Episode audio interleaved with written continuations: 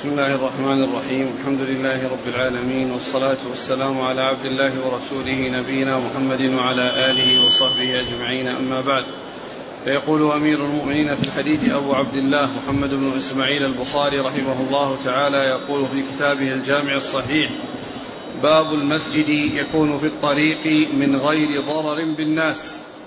وبه قال الحسن وأيوب ومالك.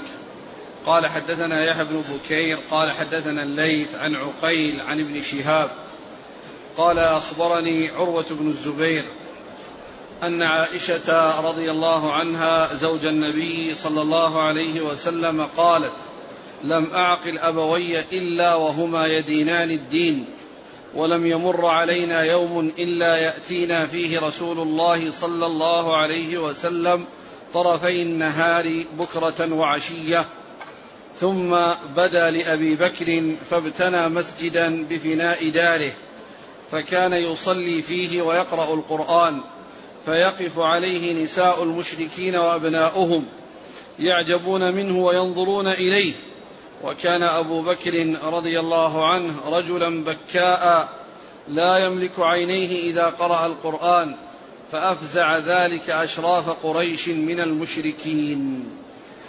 بسم الله الرحمن الرحيم الحمد لله رب العالمين وصلى الله وسلم وبارك على عبده ورسوله نبينا محمد وعلى آله وأصحابه أجمعين. أما بعد يقول الإمام البخاري رحمه الله باب بناء المسجد في الطريق ما لم يضر بالناس.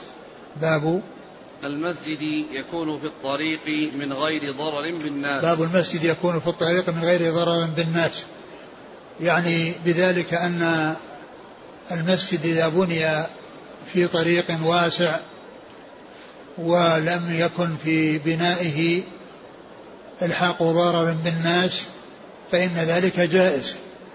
وهذا قاله جماعة كثيرون ذكر البخاري رحمه الله اثنين منهم أو أشار إلى اثنين منهم. ولكن بهذا الشرط أن الطريق يكون واسع وأن وجود مسجد فيه لا يؤثر يعني في ذلك ومن المعلوم أيضا أنه يرجع في ذلك إلى ولاة الأمور. في هذه الأمور التي هي أمور عامة تتعلق بالطرق ويعني الاستفادة منها وعمل شيء فيها هذا يرجع فيه إلى إلى ولاة الأمور. هم الذين يعني يأذنون في ذلك أو يمنعون من ذلك. ولكنه إذا كان الطريق واسعا والحاجة داعية إلى وجود المسجد في ذلك المكان ولم يلحق ضرر بالناس فإن الذي ينبغي هو آه، آه، حصول ذلك. أما إذا كان بناؤه في الطريق يضر بالناس ويضر بالمارة ويجعل آه، الطريق ضيقا ويلحق بهم ضرر بسببه فإنه لا يوجد أو لا يصلح ولا يليق أن يوجد ما فيه الضرر ويمكن أن يسعى إلى إيجاد مسجد أو مساجد في أماكن لا يترتب على البناء يترتب على بنائها ضرر بل تكون صالحة لأن يبنى فيها ومناسبة لأن يبنى فيها. ثم ذكر حديث آه، عائشة رضي الله عنها أن أنها قالت لم أعقل أبوي إلا وهما يدينان الدين. يعني أنها صغيرة. منذ عقلت وهي, وهي, وهي, وهي لا تعرف إلا الإسلام. ولا تعرف إلا دين الإسلام. ولا تعرف إلا أنهما يدينان بهذا الدين. يعني تعرف أبويها في حال صغرها أنه ليس هناك إلا الدين. يعني وأنهما يدينان يدينان هذا الدين يعني أنهما دخلا في هذا الدين الحنيف. ومن المعلوم أن أبا بكر رضي الله عنه أول رجل أسلم من الرجال بعدما بعث الله رسوله الكريم محمدا صلوات الله وسلامه وبركاته عليه أول رجل آمن به هو أبو بكر. فإذا آه، يعني آه، عائشة رضي الله عنها في حال صغرها لا تعرف شيئا عن عن عن الجاهلية وإنما تعرف أن أبويها كانا مسلمين ولا تعرف شيئا عن عن عن الجاهلية أو عن عن عن حالهما قبل الإسلام وإنما لتعرفهما تعرفه عنهما أنه لا تعرف عنهم إلا الدخول في هذا الدين. لم أعقل أبوي إلا وهما يدينني هذا الدين. إيش؟ لم أعقل أبوي إلا وهما يدينان الدين ولم يمر علينا يوم إلا يأتينا فيه رسول الله صلى الله عليه وسلم طرفي النهار بكرة وعشية. ولم يمر عليهم يوم إلا ويأتيهم النبي صلى الله عليه وسلم طرفي النهار بكرة وعشية. وهذا يدل على تمام الصلة والرابطة التي تربط آه، الصديق رضي الله عنه بالرسول الكريم صلى الله عليه وسلم وأنه آه، النبي صلى الله عليه وسلم يزورهم بكرة وعشية ويأتي إلى أبي بكر بكرة وعشية. وهذا دال على فضل أبي بكر رضي الله عنه وعلى عظيم منزلته عند رسول الله صلى الله عليه وسلم. وأن الرسول عليه الصلاة والسلام يأتيهم في, في, في كل يوم في الصباح والمساء صلوات الله وسلامه وبركاته عليه ورضي الله عن أبي بكر وعن الصحابة أجمعين. ففيه منقبة كبيرة وفضيلة عظيمة لأبي بكر وهو تردد النبي صلى الله عليه وسلم في كل يوم وليس مرة واحدة بل مرتين في الصباح والمساء. نعم.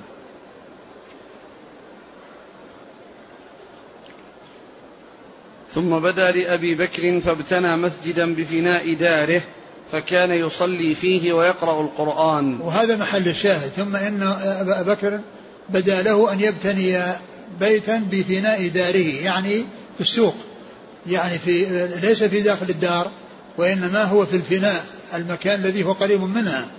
وهذا هو محل الشاهد يعني يقول بناء في الطريق إذا لم يحصل به ضرر على الناس يعني في تضييق الطريق عليهم.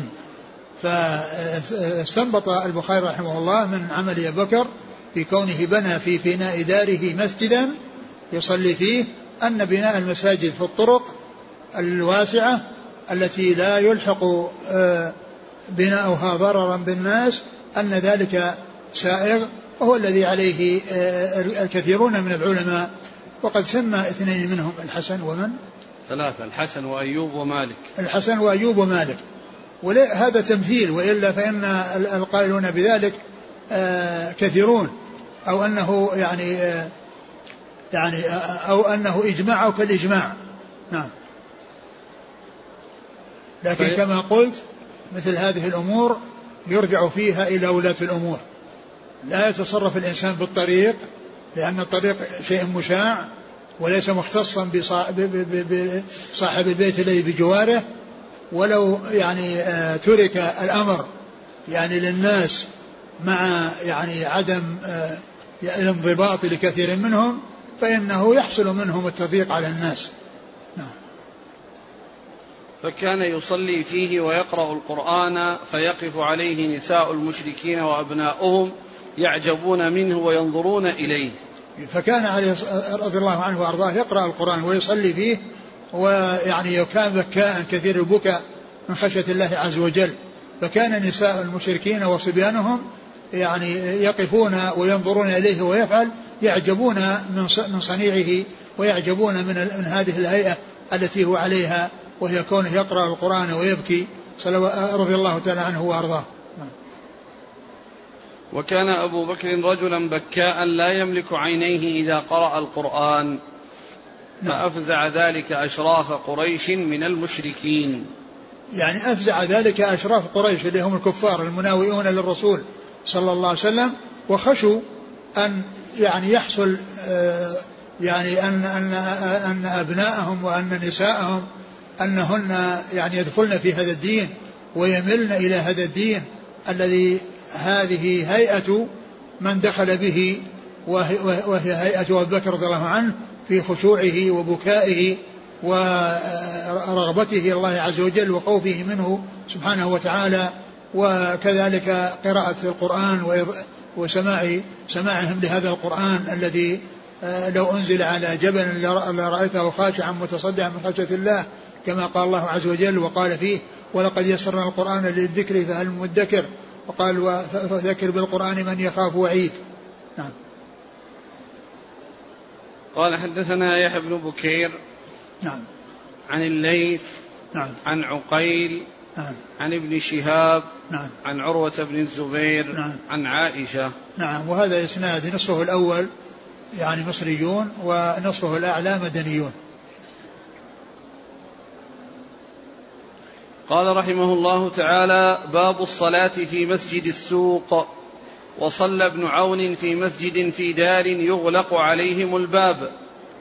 قال حدثنا مسدد قال حدثنا أبو معاوية عن الأعمش عن أبي صالح عن أبي هريرة رضي الله عنه عن النبي صلى الله عليه وعلى آله وسلم أنه قال صلاة الجميع تزيد على صلاته في بيته صلاة الجميع تزيد على صلاته في بيته وصلاته في سوقه خمسا وعشرين درجة. فإن أحدكم إذا توضأ فأحسن وأتى المسجد لا يريد إلا الصلاة لم يخطو خطوة إلا رفعه الله بها درجة وحط عنه خطيئة حتى يدخل المسجد. وإذا دخل المسجد كان في صلاة ما كانت الصلاة ما كانت تحبسه. وتصلي يعني عليه الملائكة. ما دام في مجلسه الذي يصلي فيه. اللهم اغفر له اللهم ارحمه ما لم يحدث فيه. ثم ذكر بعد ذلك هذه الترجمة وهي باب باب الصلاة في مسجد السوق. باب الصلاة في مسجد السوق. السوق هو الذي يكون فيه البيع والشراء. وقد جاء عن النبي عليه الصلاة والسلام أنه قال أحب البقاع إلى الله مساجدها وأبغض البلاد البقاع إلى الله أسواقها. فالمساجد هي خير البقاع في البلد. الذي يعمر يسكنه الناس خير خير بقعة فيه المسجد لأنها مكان ذكر الله ومحل عبادة الله ومحل الاشتغال بطاعة الله. وبضد ذلك الأسواق التي هي محل اللغط والكلام الساقط وال يعني الصخب وغير ذلك مما يعني مما يعني يكون في مقابل ما يكون في المسجد. المسجد فيه الإنس وفيه الراحة وفيه الطمأنينة وفيه الهدوء وفيه السكينة. والأسواق فيها الصخب واللغط والأصوات والقيل والقال والكلام الحسن والكلام السيء. فهي شر البقاع. وإن كان فيها مسجد يعني مبني والناس يصلون فيه فإن الصلاة فيه مثل الصلاة. في المساجد الأخرى لأنها صلاة جماعة. لكن إذا كان الإنسان صلى في السوق يعني آه كما أن فهو مثل ما لو صلى في البيت صلاته في في بيته وصلاته في سوقه هي صلاة واحدة. هي صلاة واحدة. يعني لو صلى في بيته صحت صلاته ولكنه يأثم بكونه ما صلى صلاة الجماعة وكذلك لو صلى في السوق وحده أو جماعة في الشارع أو في السوق فإن صلاتهم لا يعتبر أنه صلوا صلوا صلوا الصلاة المطلوبة التي هي صلاة الجماعة. ولهذا قال صلاة الجميع ورد الحديث صلاة الجميع أي الجماعة. صلاة الجميع تصل صلاة الرجل في في بيته وفي سوقه لأن سوقه صار مثل بيته لأنه صلى فيه بغير مسجد. فإذا إذا كان هناك مساجد في السوق أو في الأسواق ويؤذن فيها وتقام فيها الصلاة فإن الصلاة فيها صلاة جماعة. وإن كان صلي فيها أو صلي في السوق وفي الشارع بدون مسجد وبدون مسجد يقام فيه الصلاة ويؤذن فإنه مثل الذي صلى في البيت. مثل الذي ما صلى في المساجد لأن المساجد هي التي ينادى فيها للصلاة ويقال حي على الصلاة حي على الفلاح فيأتي الناس ويصلون في المساجد. أما أن أما أن يصلي في الشارع يعني واحد أو اثنين أو, أو كل واحد يصلي على حدة يعني في, في عند دكانه أو في دكانه أو كذلك يصلي في بيته فإن صلاة هؤلاء تفضلهم صلاة الجماعة في المساجد بفضل عظيم وبأجر عظيم. وقد جاء في بعض الأحاديث أن صلاة أنها تزيد أنها 27 درجة أو 25 جزءا. يعني من يصلي جماعة يحصل هذا هذا الأجر وهذا الثواب بخلاف من يصلي في بيته أو يصلي في الشارع ف إيش قال؟ قال بعد الباب. الصلاة في مسجد السوق وصلى ابن عون في مسجد في دار يغلق عليهم الباب. وهذا كما هو معلوم يعني مثل مثل الصلاة في السوق. لأن من صلى في في في دار ومن صلى في بيت والأبواب البيوت معلوم أنها تغلق وأنه لا يصلي فيها إلا أهلها أو من يدخل عليهم من غير أهلها فإن مثل الصلاة في هذا البيت هي صلاة في في صلاة في بيت ليست صلاة في مسجد ليست صلاة في مسجد فإذا ليس هذا في تضعيف بل هذا يعني فيه آآ آآ نقص كبير وفوات أجر عظيم حيث لم يتم ذلك في المسجد الذي تضعف فيه الصلوات. تضعف فيه الصلوات وتكتب الخطوات التي يذهب الإنسان بها إلى المساجد وفي حال ذهابه وإيابه. كل خطوة يخطوها ترفع له درجة وتحط عنه بها خطيئة في حال في حالتي الذهاب والإياب. كل هذا لا يحصله من صلى في بيته أو من أو من صلى في الشارع أو صلى في المسجد. اللهم إلا إذا كان صلى في الشارع تبع المسجد. لأن المسجد امتلأ امتلأ المسجد وصلى الناس في الشوارع يحتاجوا إلى ذلك فهؤلاء مأجورون وحصلوا حصلوا صلاة الجماعة. ولو لم يدخلوا في المسجد ولو لم يكونوا في داخل المسجد ما دام المسجد امتلأ وهم صلوا مع الإمام صلاة الجماعة وإن كانوا في السوق فإن صلاتهم صلاة جماعة. لكن كون يأتي فرد مثلا يصلي في, في, في عند دكانه أو اثنان أو ثلاثة هؤلاء يقال صلوا في السوق ما صلوا في المسجد. ولهذا قال يعني في الحديث الذي أورده المصنف رحمه الله قال صلاة الجميع يعني صلاة الجماعة. صلاة الجميع أي صلاة الجماعة. نعم. تزيد, تزيد على صلاته في بيته وصلاته في سوقه خمسا وعشرين درجة. نعم. تزيد في صلاته على صلاته في بيته وفي سوقه خمسا وعشرين درجة. أو خمسة وعشرين جزءا أو أو سبعا وعشرين درجة. ورد سبعة وعشرين وورد خمسة وعشرين.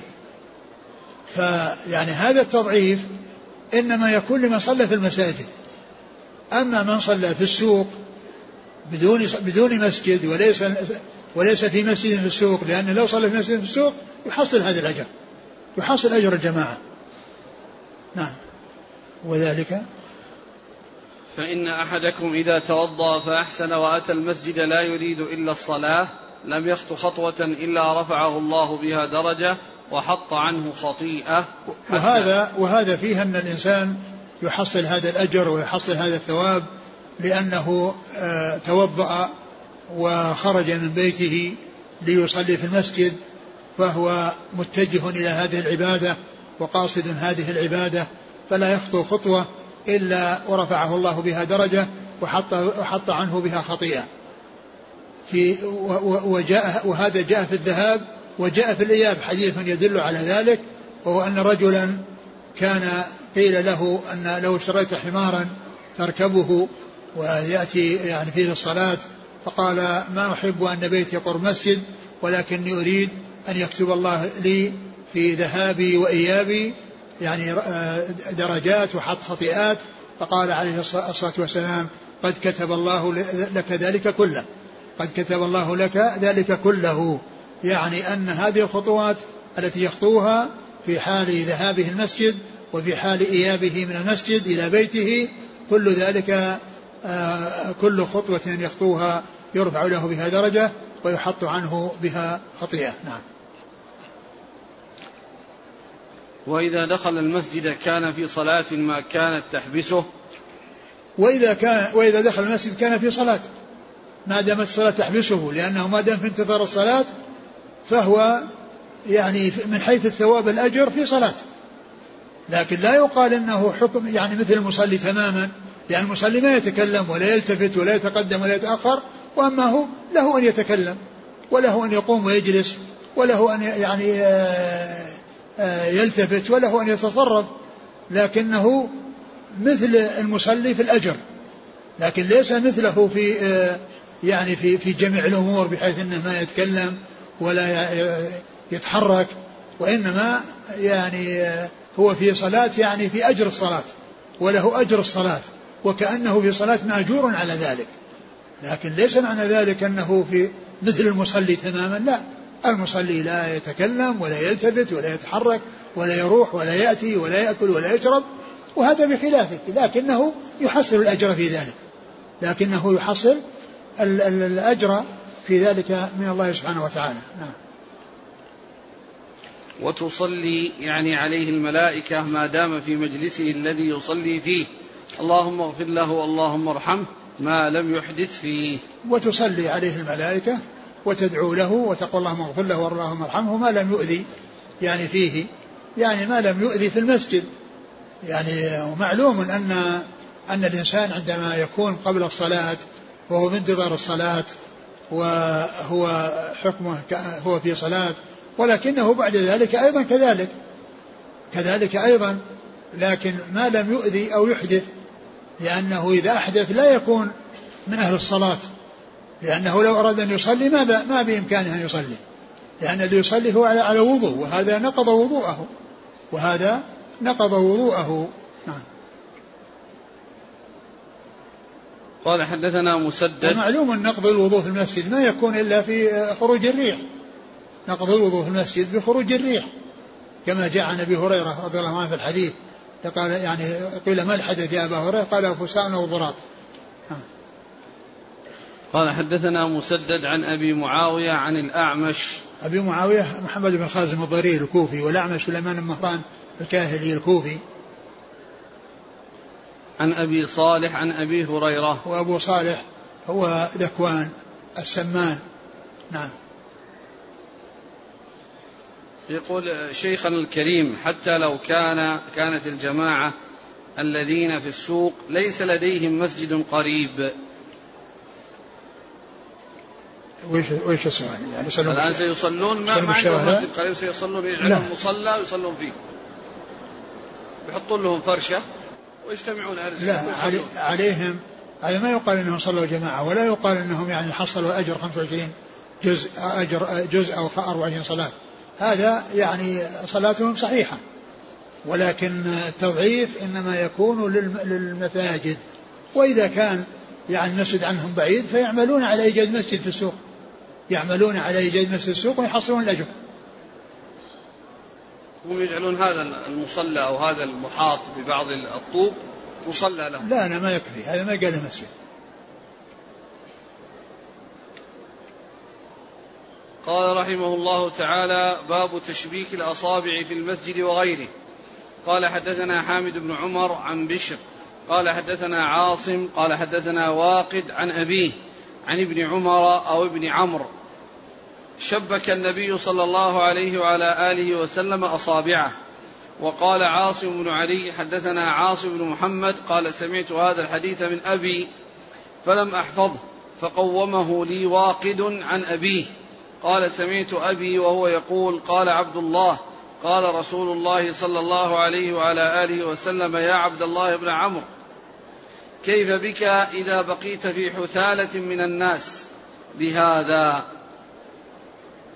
قال حدثنا خلاد بن يحيى قال حدثنا سفيان عن أبي بردة بن عبد الله عن أبي عن أبي بردة بن عبد الله بن أبي بردة عن جده عن أبي موسى رضي الله عنه عن النبي صلى الله عليه وسلم قال إن المؤمن للمؤمن كالبنيان يشد بعضه بعضا وشبك أصابعه.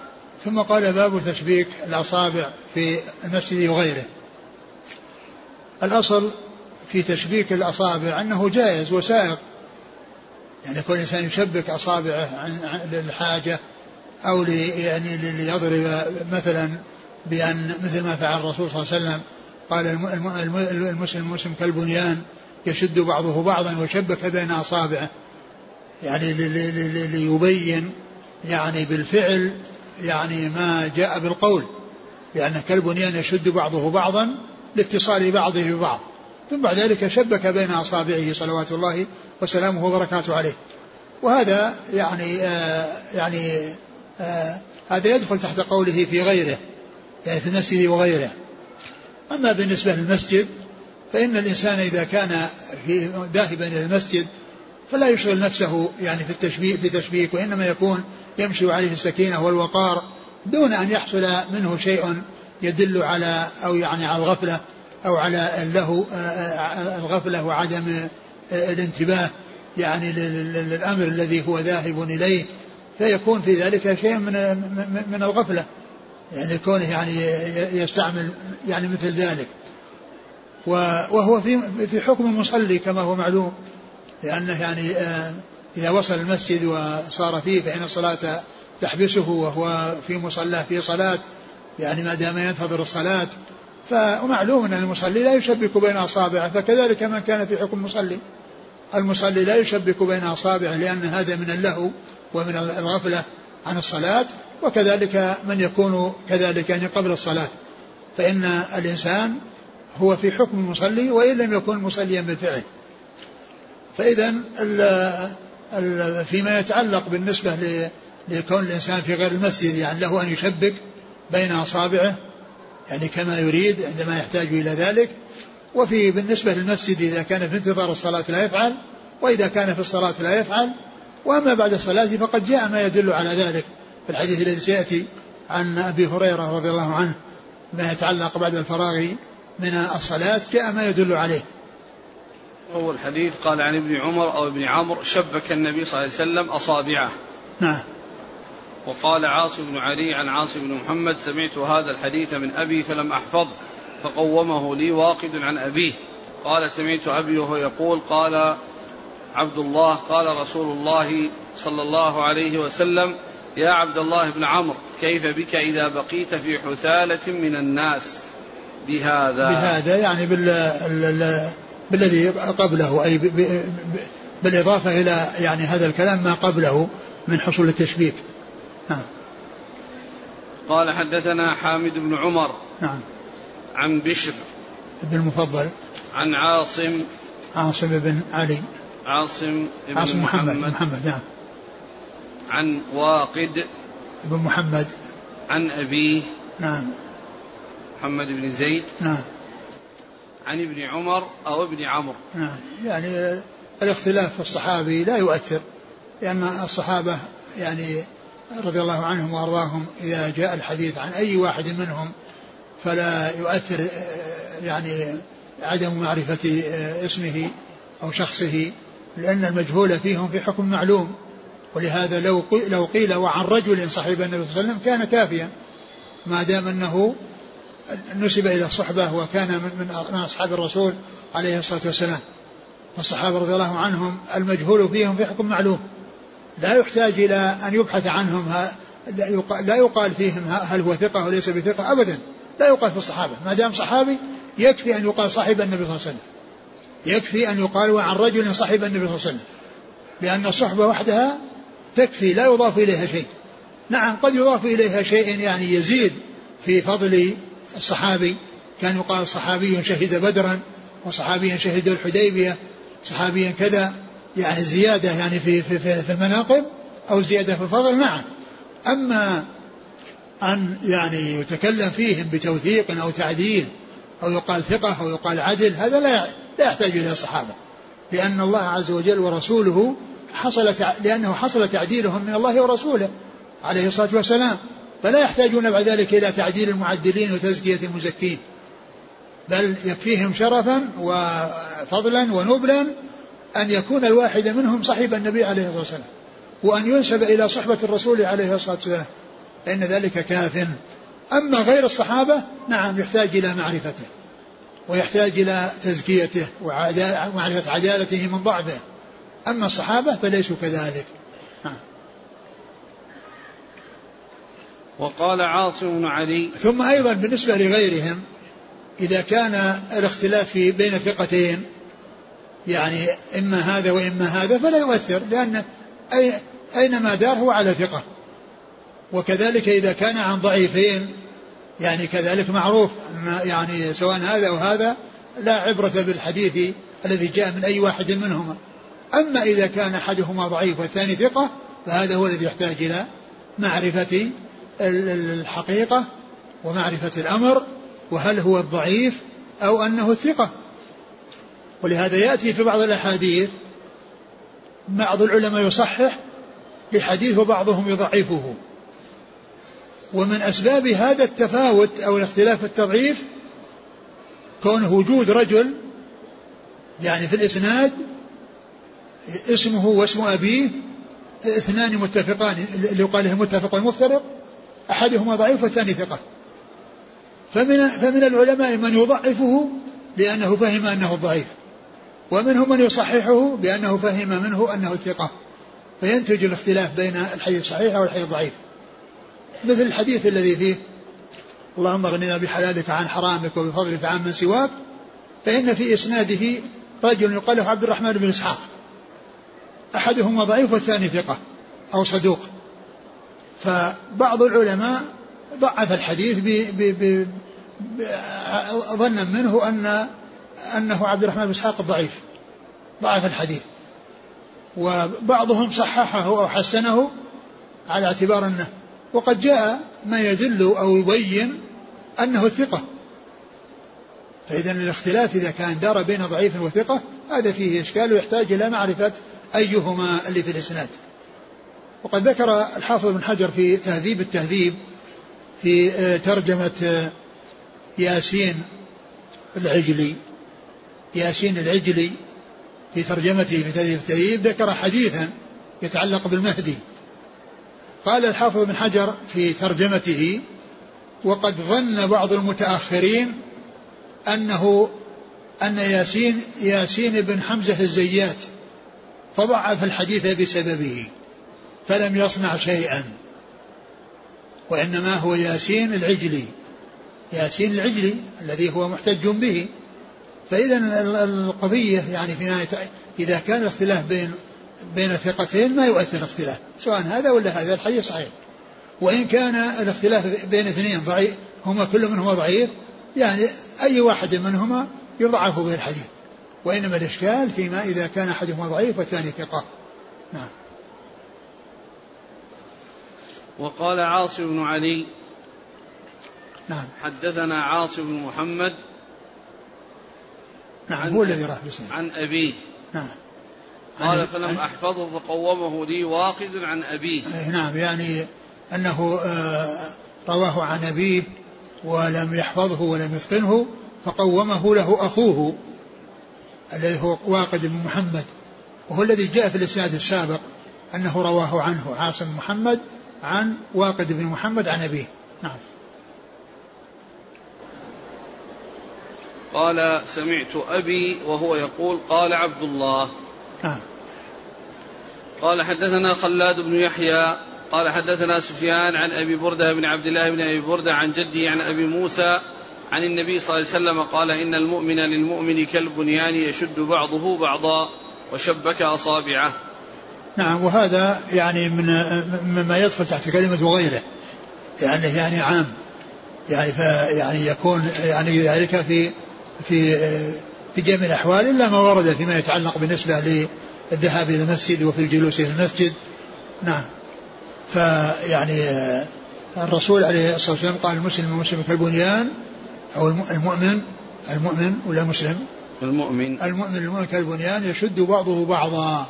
وشبك بين أصابعه لأن إذا شبك بين أصابعه شدت الأصابع بعضها بعضا وشدت اليد بعض اليدين بعضهما بعضا فصار شيئا متماسكا كالبنيان المتماسك. نعم.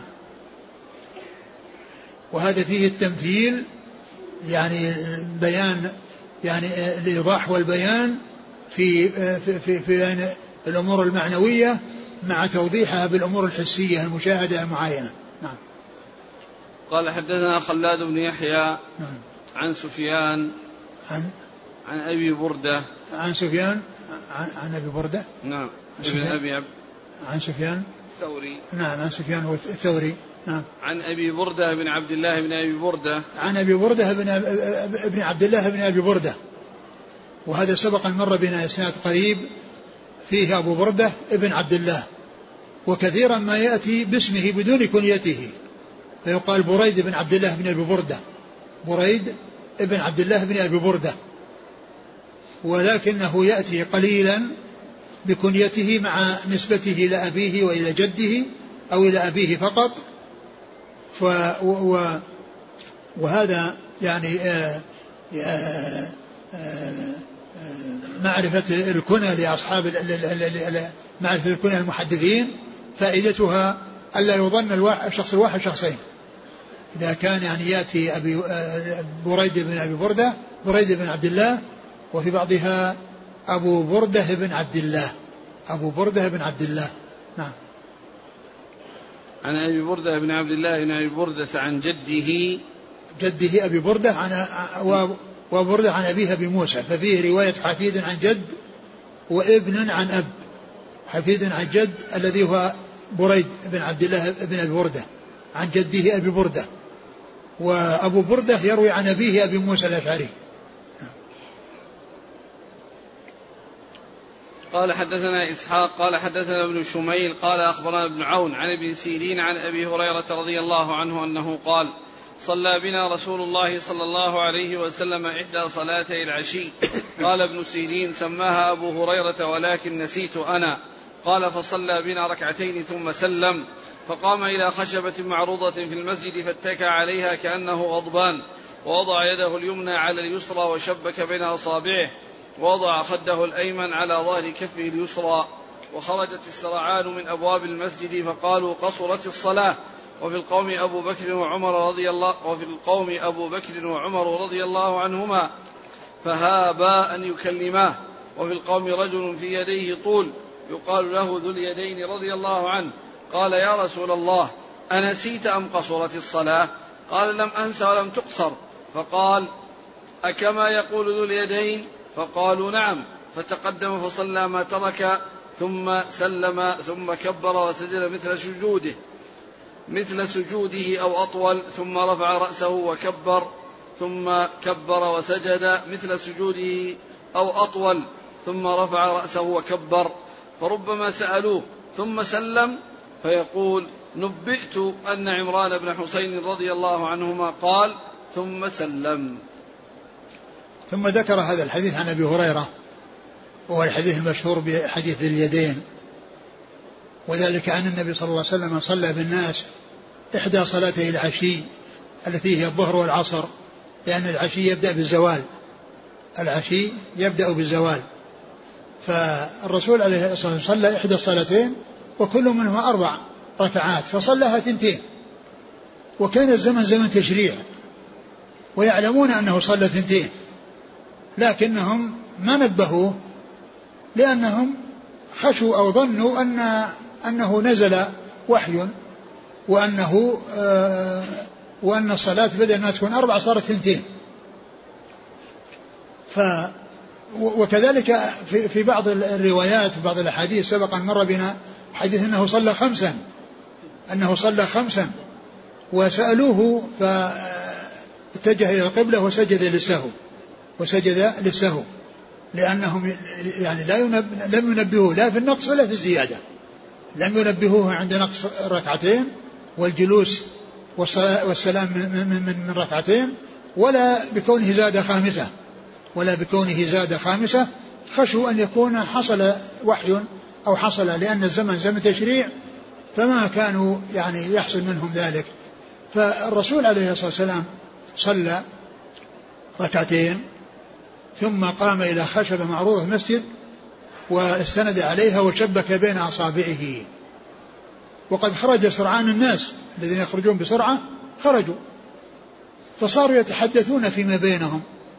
وفي القوم أبو بكر وعمر وهاب أن يكلماه هاب أن يكلماه وأنهم يخشون أنه قد حصل وحي قصرت به الصلاة فصارت اثنتين بدل ما تكون أربع.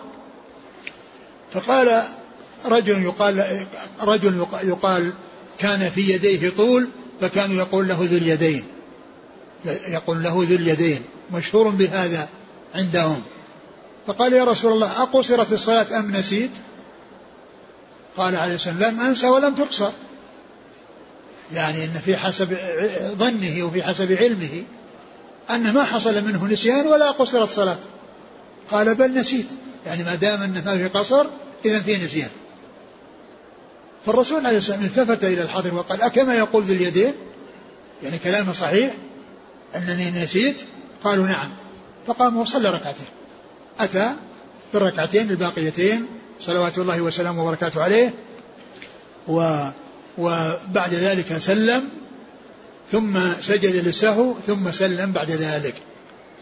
ثم سلم يعني سلم أولا ثم سجد للسهو ثم سلم. ومحل الشاهد منه كونه قام إلى خشبة معروضة في المسجد وجلس استند عليها وشبك بين أصابعه. قالوا فهذا يدل على أن التشبيك بعد الصلاة أنه جائز لأنه لأن النبي صلى الله عليه وسلم فعله وهو في المسجد. يعني كونه فعله في المسجد بعد الصلاة يعني آه قالوا هذا يدل على جوازه. نعم. أعد الحديث. قال أبو هريرة رضي الله عنه صلى بنا رسول الله صلى الله عليه وسلم إحدى صلاتي العشي. قال ابن سيرين سماها أبو هريرة. ولكن نسيت أنا. وهي صلاة؟ ما قال فصلى بنا ركعتين ثم سلم فقام إلى خشبة معروضة في المسجد فاتكى عليها كأنه غضبان ووضع يده اليمنى على اليسرى وشبك بين أصابعه ووضع خده الأيمن على ظهر كفه اليسرى. نعم. وخرجت السرعان من أبواب المسجد فقالوا قصرت الصلاة. وفي يعني معناه فهمون أن الصلاة قصرت نعم. وفي القوم أبو بكر وعمر فهابا أن يكلماه. وفي القوم رجل في يديه طول يقال له ذو اليدين. فقال يا رسول الله أنسيت أم قصرت الصلاة؟ قال لم أنس ولم تقصر. فقال أكما يقول ذو اليدين؟ فقالوا نعم. فتقدم فصلى ما ترك ثم سلم. ثم كبر. عند قصرت مضمومة أقول مضبوطة؟ قصرت ولا قصرت؟ وجهان. قصرت. قال قال فيه يعني لا هو يضبطها ضبطها في الأصل بالضم وضبطها في الحاشية بالكسر. نعم. فتقدم فصلى ما ترك ثم سلم ثم كبر وسجد مثل سجوده أو أطول. ثم رفع رأسه وكبر ثم كبر وسجد مثل سجوده أو أطول. ثم رفع رأسه وكبر فربما فربما سألوه ثم سلم فيقول نبئت أن عمران بن حصين قال ثم سلم. نعم يعني هذا يعني أخذه بواسطة الذي هو قضية السلام بعد السجدتين. قال حدثنا إسحاق. إسحاق بن منصور الكوسج عن ابن شميل. نعم وهو النضر. النضر بن شميل. عن ابن عون. عبد الله بن عون. عن ابن سيرين. محمد بن سيرين. عن أبي هريرة. نعم. قال رحمه الله تعالى باب المساجد التي على طرق المدينة والمواضع التي صلى فيها النبي صلى الله عليه وسلم. قال حدثنا محمد بن أبي بكر المقدمي. قال حدثنا فضيل بن سليمان. قال حدثنا موسى بن عقبة. قال رأيت سالم بن عبد الله يتحرى أماكن من الطريق فيصلي فيها ويحدث أن أباه كان يصلي فيها وأنه رأى النبي صلى الله عليه وسلم يصلي في تلك الأمكنة. قال وحدثني نافع عن ابن عمر أنه كان يصلي في تلك الأمكنة وسألت سالما فلا أعلمه إلا وافق نافعا في الأمكنة كلها إلا أنهما اختلفا في مسجد إلا أنهما اختلفا في مسجد بشرف الروحاء نعم. قال حدثنا إبراهيم بن المنذر قال حدثنا أنس بن عياض قال حدثنا موسى بن عقبة عن نافع أن عبد الله رضي الله عنه أخبره أن رسول الله صلى الله عليه وسلم كان ينزل بذي الحليفة حين يعتمر وفي حجته حين حج تحت سمرة في موضع المسجد الذي بذي الحليفة وكان إذا رجع من غزو كان في تلك الطريق أو حج أو عمرة هبط من بطن واد فإذا ظهر من بطن واد أناخ بالبطحاء التي على شفير الوادي الشرقية فعرس ثم حت ثم حتى يصبح فعرس ثم حتى يصبح. ليس عند المسجد الذي بحجارة ولا على الأكمة التي عليها المسجد. كان ثم خليج ليس, ليس, ليس. عند المسجد الذي بحجارة ولا على الأكمة التي عليها المسجد. كان ثم خليج يصلي عبد الله عنده في بطنه كثب. كان رسول الله صلى الله عليه وسلم ثم ثم, ثم يصلي. فدحى السيل فيه بالبطحاء حتى دفن ذلك المكان الذي كان عبد الله يصلي فيه. وأن عبد الله بن عمر حدثه أن النبي صلى الله عليه وسلم صلى حيث المسجد الصغير الذي دون المسجد الذي بشرف الروحاء. وقد كان عبد الله يعلم المكان الذي كان صلى. يعلم ولا يعلم؟ يعني يعلم هكذا ضبطها وفي بعض النسخ تعلم. يعلم. يعني يضع علامة. تعلم وفي بعضها يعلم ثلاث. أوجه. نعم. وقد كان عبد الله يعلم المكان الذي كان صلى فيه النبي صلى الله عليه وسلم. يقول ثم عن يمينك حين تقوم في المسجد تصلي وذلك المسجد على حافة الطريق اليمنى وأنت ذاهب إلى مكة بينه وبين المسجد الأكبر رمية بحجر أو نحو ذلك. وأن ابن عمر كان يصلي إلى العرق الذي عند منصرف الروحاء وذلك العرق انتهاء طرفه على حافة الطريق دون المسجد الذي بينه وبين المنصرف وأنت ذاهب إلى مكة وقد ابتنى ثم مسجد فلم يكن عبد الله يصلي في ذلك المسجد. وقد ابتني. وقد ابتني ثم مسجد فلم يكن عبد الله يصلي في ذلك المسجد. كان يتركه عن يساره ووراءه ويصلي أمامه إلى العرق نفسه. وكان عبد الله يروح من الروحاء فلا يصلي الظهر حتى يأتي ذلك المكان فيصلي فيه الظهر. وإذا أقبل من مكة فإن مر به قبل الصبح بساعة أو من اخر أو من آخر السحر عرس حتى يصلي بها الصبح. وأن عبد الله حدثه أن النبي صلى الله عليه وسلم كان ينزل تحت سرحة ضخمة دون الرويثة عن يمين الطريق ووجاه ووجاه الطريق في مكان بط في مكان بطح سهل حتى يفضي من أكمة دوين بريد الرويثة بميلين وقد انكسر أعلاها فانثنى فانثنى في جوفها وهي قائمة على ساق وفي ساقها كثب كثيرة.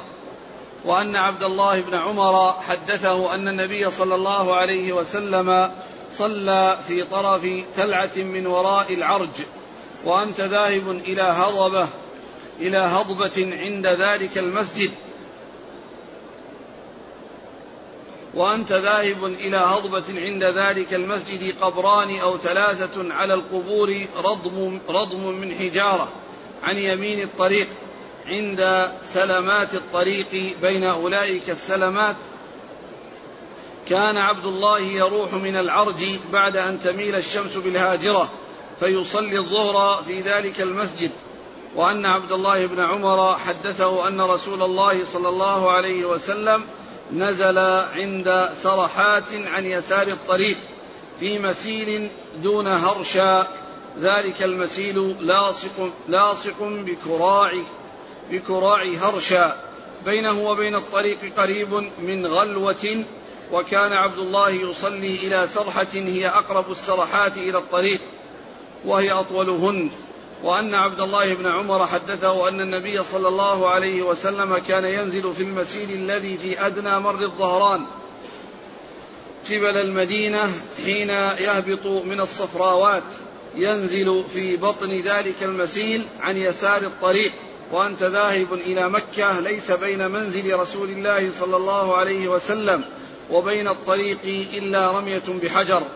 وأن عبد الله بن عمر حدثه أن النبي صلى الله عليه وسلم كان ينزل بذي طوى ويبيت حتى يصبح يصلي الصبح حين يقدم مكة ومصلى رسول الله صلى الله عليه وسلم ذلك على أكمة غليظة ليس في المسجد الذي بني ثم ولكن أسفل من ذلك على أكمة غليظة. وأن عبد الله حدثه أن النبي صلى الله عليه وسلم استقبل فرضتي الجبل الذي بينه وبين الجبل الطويل نحو الكعبة فجعل المسجد الذي بني ثم يسار المسجد بطرف الأكمة ومصلى النبي صلى الله عليه وسلم أسفل منه على الأكمة السوداء تدع من الأكمة عشرة أذرع أو نحوها. ثم تصلي مستقبل الفرضتين من الجبل الذي بينك وبين الكعبة. ثم ذكر البخاري رحمه الله هذه الترجمة باب المساجد التي بين مكة والمدينة. المساجد التي على طرق المدينة والمواضع التي صلى فيها النبي صلى الله عليه وسلم. المساجد التي على طرق المدينة يعني بين مكة والمدينة. التي بين مكة والمدينة والمواضع التي صلى فيها رسول الله صلى الله عليه وسلم. هذه الترجمة التي عقدها البخاري رحمه الله. وذكر يعني هذا الحديث عن ابن عمر رضي الله تعالى عنه الذي فيه أنه كان يتحرى الأماكن التي صلى فيها الرسول صلى الله عليه وسلم اتفاقا. يعني ولم يكن مقصودا أن الرسول صلى الله عليه وسلم صلى فيها قصدها لذاتها أو لمكانها أو لخصيصة بها وإنما اتفق له أنه جاء, جاء وقت الصلاة وصلى في هذا المكان. فكان ابن عمر رضي الله عنه يتتبع آثار الرسول صلى الله عليه وسلم ويصلي في الأماكن التي صلى فيها الرسول عليه الصلاة والسلام. وهذا اجتهاد منه رضي الله تعالى عنه وأرضاه. ولكن هذا الذي فعله ابن عمر يخالف ما جاء عن أبيه وعن غيره من الصحابة وعن كبار الصحابة رضي الله عنهم وأرضاهم فإنهم ما كانوا يقصدون أو يتحرون هذا الذي يتحراه ابن عمر رضي الله تعالى عنه بل جاء عن عمر نفسه أنه كان في طريق مكة وأنه لما صلى بالناس الفجر يعني وكان عنده في مسجد قريب حولهم وإذا الناس يأتون إليه فقيل ما هذا؟ فقال ما هذا؟ قال هذا مكان صلى فيه الرسول صلى الله عليه وسلم. فقال رضي الله عنه إنما أهلك يعني أهل الكتاب أنهم اتخذوا يعني آثار أنبيائهم يعني مساء كنائس وبيعا فحذر من ذلك.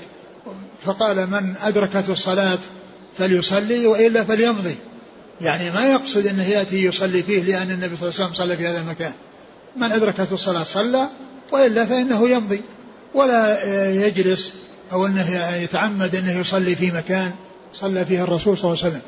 الرسول صلى فيه اتفاقا. ما كان قصدا وأنه أراد أن يكون هذا المكان الناس يقصدونه ويصلون فيه وإنما اتفق له عليه الصلاة والسلام أنه آه، صلى في هذا المكان.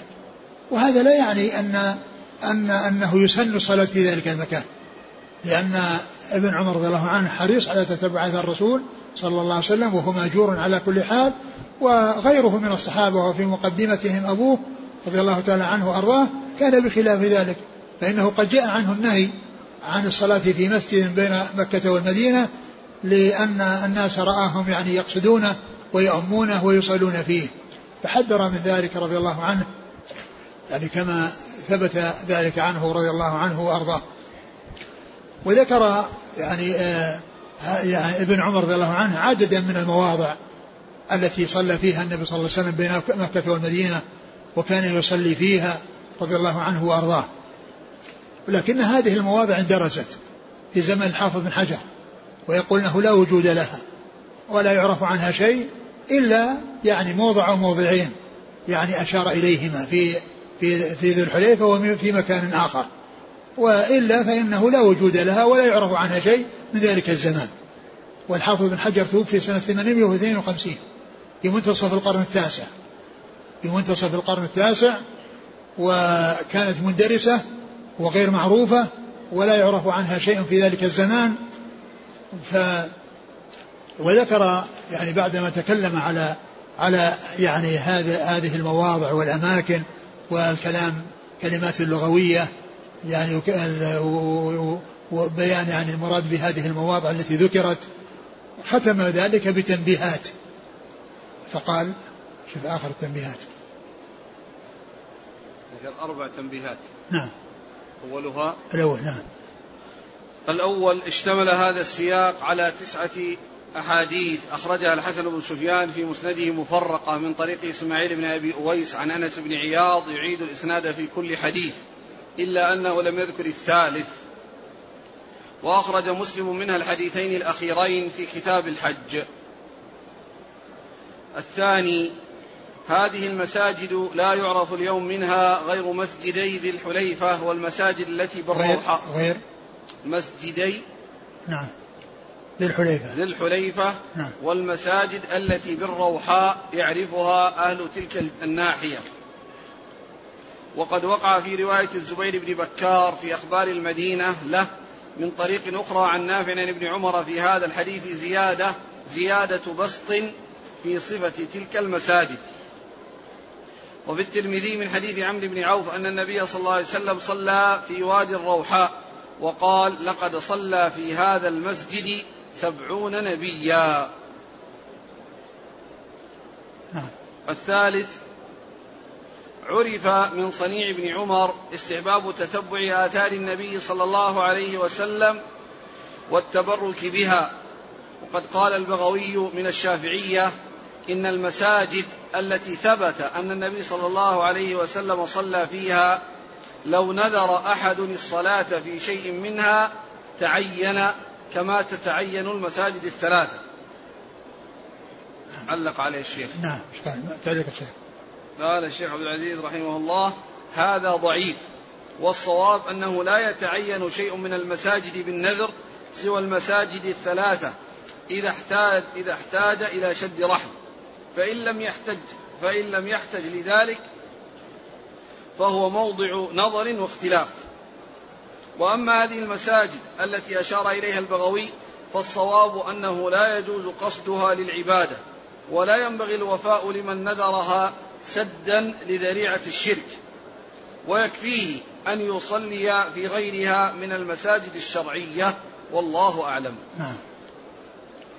الرابع ذكر البخاري المساجد التي في طرق المدينة ولم يذكر المساجد التي كانت بالمدينة لأنه لم يقع له إسناد في ذلك على شرطه. وقد ذكر عمر بن شبة في أخبار المدينة المساجد والأماكن التي صلى فيها النبي صلى الله عليه وسلم بالمدينة مستوعبا. وروى عن أبي غسان عن غير واحد من أهل العلم أن كل مسجد بالمدينة ونواحيها مبني بالحجارة المنقوشة المطابقة. فقد صلى فيه النبي صلى الله عليه وسلم. وذلك أن عمر بن عبد العزيز حين بنى مسجد المدينة سأل الناس وهم يومئذ متوافرون عن ذلك ثم بناها بالحجارة المنقوشة المطابقة. نعم. وقد عين عمر بن شبة منها شيئا كثيرا لكن أكثره في هذا الوقت قد اندثر. وبقي من المشهورة الآن مسجد قباء ومسجد الفضيخ وهو شرقي مسجد قباء ومسجد بني قريظة ومشربة أم إبراهيم وهي شمال مسجد بني قريظة ومسجد بني ظفر شرق البقيع ويعرف بمسجد البغلة ومسجد بني معاوية ويعرف بمسجد الإجابة ومسجد الفتح قريب من جبل سلع. ومسجد القبلتين في بني سلمة.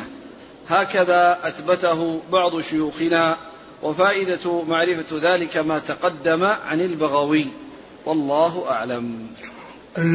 يعني الحافظ بن حجر رحمه الله لما ذكر البخاري المساجد اللي في الطريق بين مكة والمدينة ولم يتعرض للمساجد في المدينة ذكر هو ما يعني وقف عليه منها وذكر هذه الأشياء التي سماها. ومن المعلوم أن أنه لم يأتي عن النبي صلى الله عليه وسلم في في المدينة فضيلة لمسجد إلا لمسجدين هما مسجده عليه الصلاة والسلام. هذا المسجد المبارك وذلك في قوله صلى الله عليه وسلم صلاة في مسجدي هذا خير من ألف صلاة فيما سواه المسجد الحرام. وكذلك لا شد الرحال إلا إلى ثلاث مساجد المسجد الحرام ومسجد هذا ومسجد الأقصى. وكذلك مسجد قبى جاء في فضله ما يعني ما يدل على ذلك من قوله وفعله. أما فعله فكان يذهب إليه كل سبت أحيانا راكبا وأحيانا ماشيا ويصلي في ركعتين. وأما قوله فقد جاء عنه عليه الصلاة والسلام أنه قال من تطهر في بيته ثم أتى مسجد قباء فصلى فيه صلاة كان كأجر عمرة. هذا هو الذي جاء عن النبي صلى الله عليه وسلم. أما غيره لم يأتي. ولم يأتي شيء يدل على ذلك. ولو ثبت أن النبي صلى الله عليه وسلم صلى في مسجد المساجد لا يقصد ليصلى فيه. بل يصلى في هذا المسجد الذي صلى فيه بألف صلاة ويصلى في مسجد قبة الذي الصلاة فيه كعمرة. هذا هو الذي ينبغي الإنسان أن يحرص عليه. أما أن يذهب ويتتبع أشياء يعني الرسول صلى الله عليه وسلم صلى في هذا هذا مثل الأماكن اللي في طريق, في, في, في, في طريق مكة. يعني حصل له اتفاقا أو يعني حصل أنه جاء الوقت وصلى في, في مكان معين لو ثبت. فلا يدل على فضيلة لذلك المسجد. لأنه لم يأتي فيه عن النبي عليه الصلاة والسلام شيء من ذلك. ولهذا كل إنسان في هذه المدينة عليه أن يحرص على ألا يشغل نفسه بشيء من المساجد إلا ما يتعلق في هذا المسجد المبارك وفي مسجد قباء.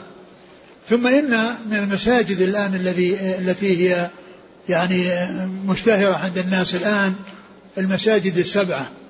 وهذا يدل على أنها محدثة بعد الحافظ بن حجر لأن الحافظ بن حجر ما ذكرها ولا أشار إليها مما يدل على أنها متأخرة الوجود وأن وجودها في زمن متأخر. الأسانيد قال حدثنا محمد بن أبي بكر المقدمي. نعم. عن فضيل بن سليمان. نعم. عن موسى بن عقبة. نعم. عن سالم بن عبد الله. نعم. عن عبد الله. نعم. قال حدثنا إبراهيم بن المنذر. نعم. عن أنس بن عياض نعم. عن موسى بن عقبة عن نافع عن عبد الله. انتهى؟ نعم. والله تعالى أعلم وصلى الله وسلم وبارك على عبده ورسوله نبينا محمد وعلى آله وأصحابه أجمعين. آه ذكر الحافظ أن أن في سنن الترمذي آه مسجد في الروحة وأنه صلى فيه سبعون نبيا. فينظر يعني الإسناد في ذلك والذي ثبت والذي جاء بهذا المعنى هو أن مسجد الخيف صلى فيه سبعون نبيا. مسجد الخيف في منى صلى فيه سبعون نبيا. أما هذا الذي في الطريق في طريق بين مكة والمدينة وهو الروحة فيعني ينظر الحديث عند الترمذي. جزاكم الله خيرا وبارك الله فيكم والهمكم الله الصواب. وفقكم للحق ونفعنا الله بما سمعنا وغفر الله لنا ولكم وللمسلمين أجمعين. مسألة الصلاة في السوق كثر عليها الأسئلة. يعني الآن كثير من الأماكن يعني مثلا بعض ما يحصل في الكليات الآن فيها مصليات بالإضافة إلى مسجد الجامع الكبير. فهل الصلاة في هذه المصلات يعني المصليات لا تكون مثل صلاة الجامع؟ الذي يبدو والله أعلم من المساجد التي فيها الأذان وينادى للصلاة ويصلى فيها الصلوات الخمس هذه المساجد التي يعني وأما تلك لا شك أنهم يعني على خير ولكنه لا يقال أنها مثل آه، آه، المسجد الذي ينادى فيه للجماعة ويصلى فيه صلاة الجماعة. وكونهم يصلون يعني في أماكنهم